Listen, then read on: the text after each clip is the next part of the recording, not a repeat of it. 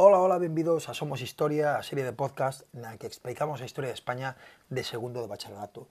No episodio anterior falábamos dos dous eh, eventos políticos que máis marcan o inicio do século XIX en España, que son dous, a dobre abdicación de Bayona, que significa a entrega da coroa a Napoleón, e, por outra banda, a ocupación francesa da península ibérica que deriva nunha guerra de independencia cruel e longa que vai de 1808 a 1814.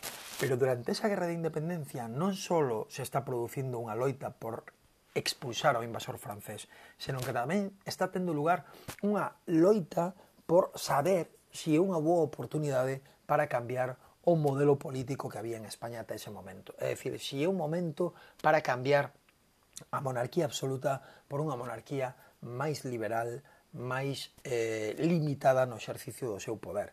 E iso quen o vai a facer? Mentre se está librando a guerra da independencia. Bueno, pois o van a facer as Cortes de Cádiz e o van a facer na Constitución que elaboran e aproban en 1812 nesa cidade do sur de España, en Cádiz.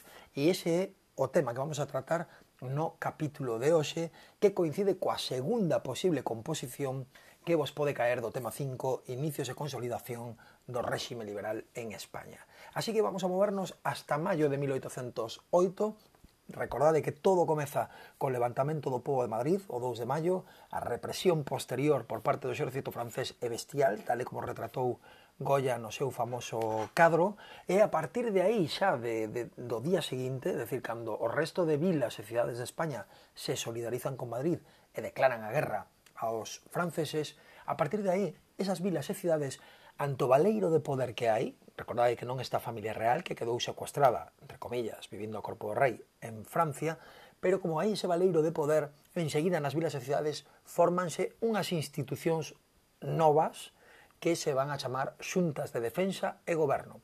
Estas xuntas revolucionarias, porque se están eh, revelando contra o novo rei, contra Xosé I, ao cal non aceptan, non recoñecen, polo tanto, toman o poder dun xeito revolucionario, estas xuntas de defensa e goberno se forman sobre todo polas élites dominantes, pola xente máis destacada de cada vila e cidade de España. E nacen entonces como un fenómeno local, pero como se repiten ao longo de todo o territorio español, pronto comezan a agruparse en xuntas provinciais para chegar a acordos entre elas e coordinarse mellor, e esas xuntas provinciais, a súa vez, se van a coordinar entre elas formando unha xunta suprema central de goberno.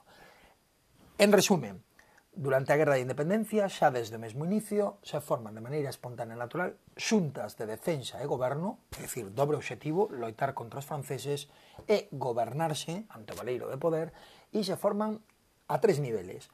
A nivel local, a nivel provincial e a nivel central. E esta última, a Xunta Suprema Central de España e de Indias, porque pretendía representar a todos os españois, os que vivían en España e os que vivían nas Américas, esa é a que exerce o goberno de España e é a que moi pronto, desde o inicio da guerra, vai a sentir a necesidade de convocar aos representantes da nación das distintas provincias que integran a nación nunhas cortes, nunha especie de parlamento, nunhas cortes extraordinarias para coñecer, para preguntar cal é a vontade do país, que é o que queren facer nese momento os, pois, os representantes das distintas provincias e valorar si é un bon momento para facer reformas para aproveitar a ocasión e reformar un pouco esa monarquía absoluta tan propia do antigo réxime que se está quedando tan carca nese momento. Así que, en efecto, se convocan esas cortes e se convocan na cidade de Cádiz, bueno, en concreto na illa de San Fernando, en fronte da cidade de Cádiz. Por qué? Pois porque nun momento no que toda a península ibérica corre perigo, a cidade de Cádiz nunha esquiniña no sur de España ofrecía unha defensa natural perfecta para, eh, para soportar, digamos, a presión do exército francés. Así que aí, en Cádiz, en concreto no edificio dun teatro, comezan en 1812, un 24 de setembro, esas cortes extraordinarias a reunirse, comezan a reunirse. Quen había nesas cortes extraordinarias? Bueno, pois había, se acordou que debía haber un deputado, é dicir, un representante eh, das provincias, de cada provincia, un representante por cada 50.000 personas, ¿vale? Eh, obviamente, como estamos nun momento de guerra, hai provincias que non conseguen facer a elección do seu deputado ou cuyo deputado non logra chegar a Cádiz. Estamos nun momento de guerra, moverse dun sitio a outro debía ser francamente complicado. Así que hai personalidade, personalidades, persoas que viven en Cádiz que van a exercer de suplentes deses deputados que non chegan, que non logran chegar a Cádiz a esas cortes, vale? Entonces, quen había ali? Bueno, pois ali había 90 curas, basicamente liberais, porque procedían ou ben da cidade de Cádiz ou ben de outras cidades, pero eran curas urbanos, máis liberais que os do rural, 56 abogados, 30 militares, 15 catedráticos, 14 nobres, ollo que non hai campesiños de ningún tipo, e eses son os que están aí reunidos representando as distintas provincias que integran a nación española. Non os estamentos, non están representando a nobreza, o clero, e ao povo llano, senón que están representando a os distintos territorios que integran a coroa de España. A maioría deles, igual que a propia cidade de Cádiz, son liberais, non absolutistas. Hai os dous bandos, hai absolutistas e hai liberais, pero a maioría son liberais. E esta maioría vai haber unha oportunidade magnífica, van a haber nesa ocasión unha oportunidade magnífica para transformar políticamente España y pasar de un régimen absoluto a un régimen, a un modelo liberal. Así que van a empezar xa desde 1810 a aprobar unha serie de decretos que na práctica eliminarían o antigo réxime.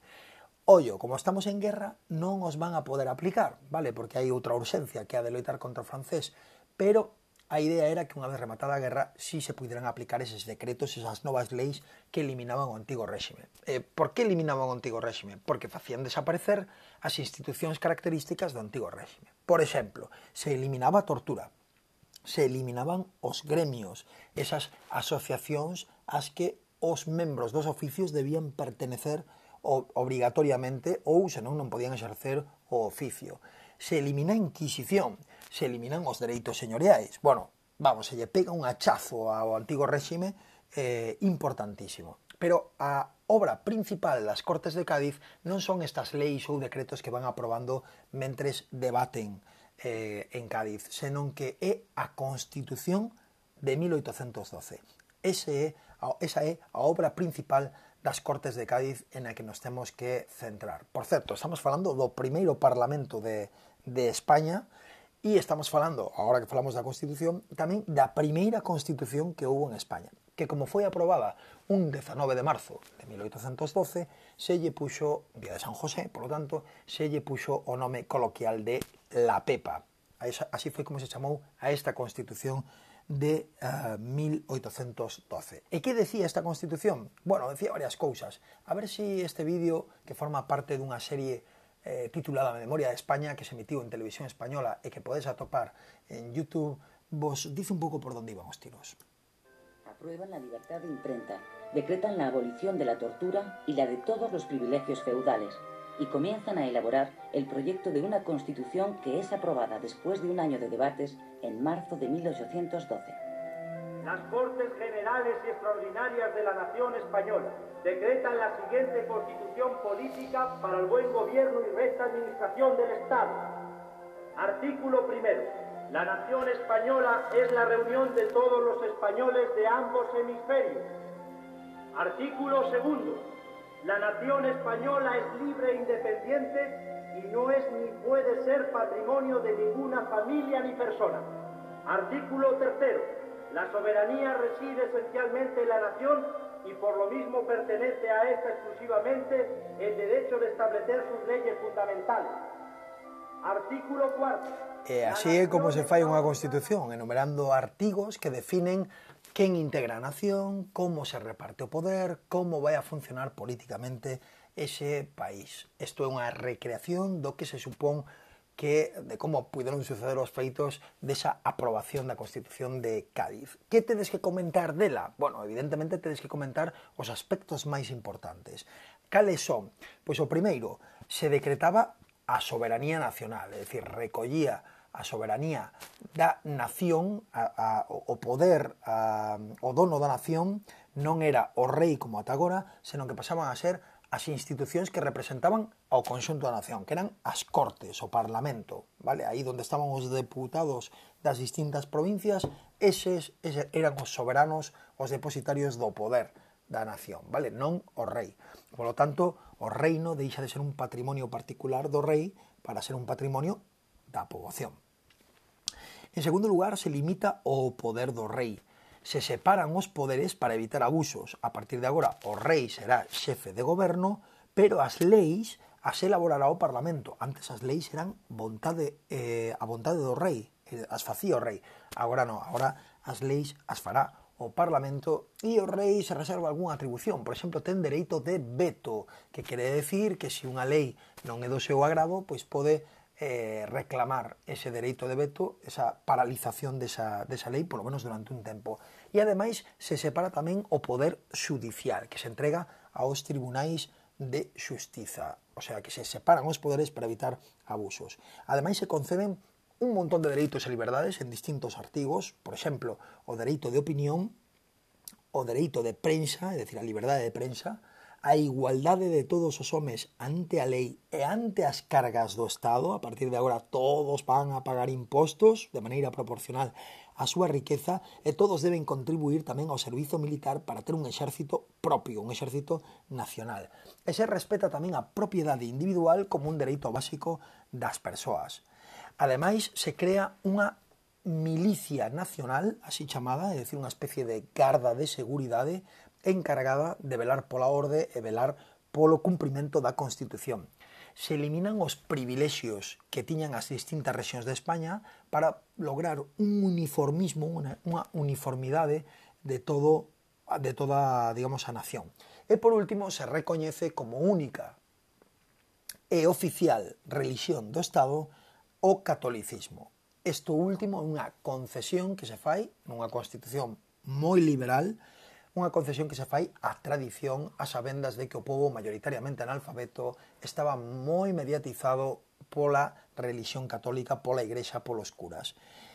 Pese a este último punto, de feito, a Constitución foi vista como unha obra de liberais, dunha élite liberal, dunha élite de intelectuais, e se viu por parte do povo como algo eh, eh, agresivo, como, como un ataque, digamos, á religión e á tradición aos costumes que les viñan tendo desde había séculos. Por eso a Constitución a nivel teórico foi revolucionaria, foi un texto revolucionario que foi exemplo, modelo de, de, de constitución para outros países de Europa, pero en España o povo non, non a fixo súa, polo menos nese momento. É por eso que cando remata a Guerra de Independencia e os que as Cortes de Cádiz están agardando o regreso de Fernando VII para que xure esta Constitución, porque el era, según a Constitución, o rei lexítimo de España, pois ese povo vai a recibir a Fernando VII polo camiño ao berro de vivan las cadenas, vivan las cadenas, viva el antiguo régimen, viva la monarquía absoluta, viva la tradición e la religión,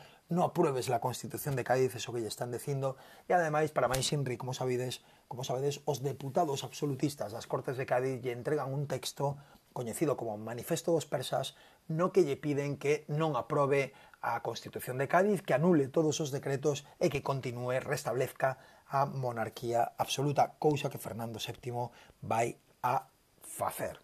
En definitiva, en conclusión, A obra das Cortes de Cádiz, especialmente a Constitución de 1812, foi absolutamente revolucionaria, foi un exemplo e un modelo de Constitución liberal en Europa e incluso para os propios españois que non contentos con este con esta anulación por parte de Fernando VII van non van a tirar a toalla e van a intentar reiteradamente obrigar ao rei a xurar esa Constitución de Cádiz. E van a facer sobre todo os militares por medio de pronunciamentos, un fenómeno xenuíno da historia de España que consiste en que un militar se levanta en armas e se pronuncia a favor de obrigar ao rei a cambiar o modelo político a aprobar esa Constitución de Cádiz. A maioría dos pronunciamentos non tuveron éxito e remataron no exilio ou con fusilamentos por, mm, contra os, os, os protagonistas do pronunciamento.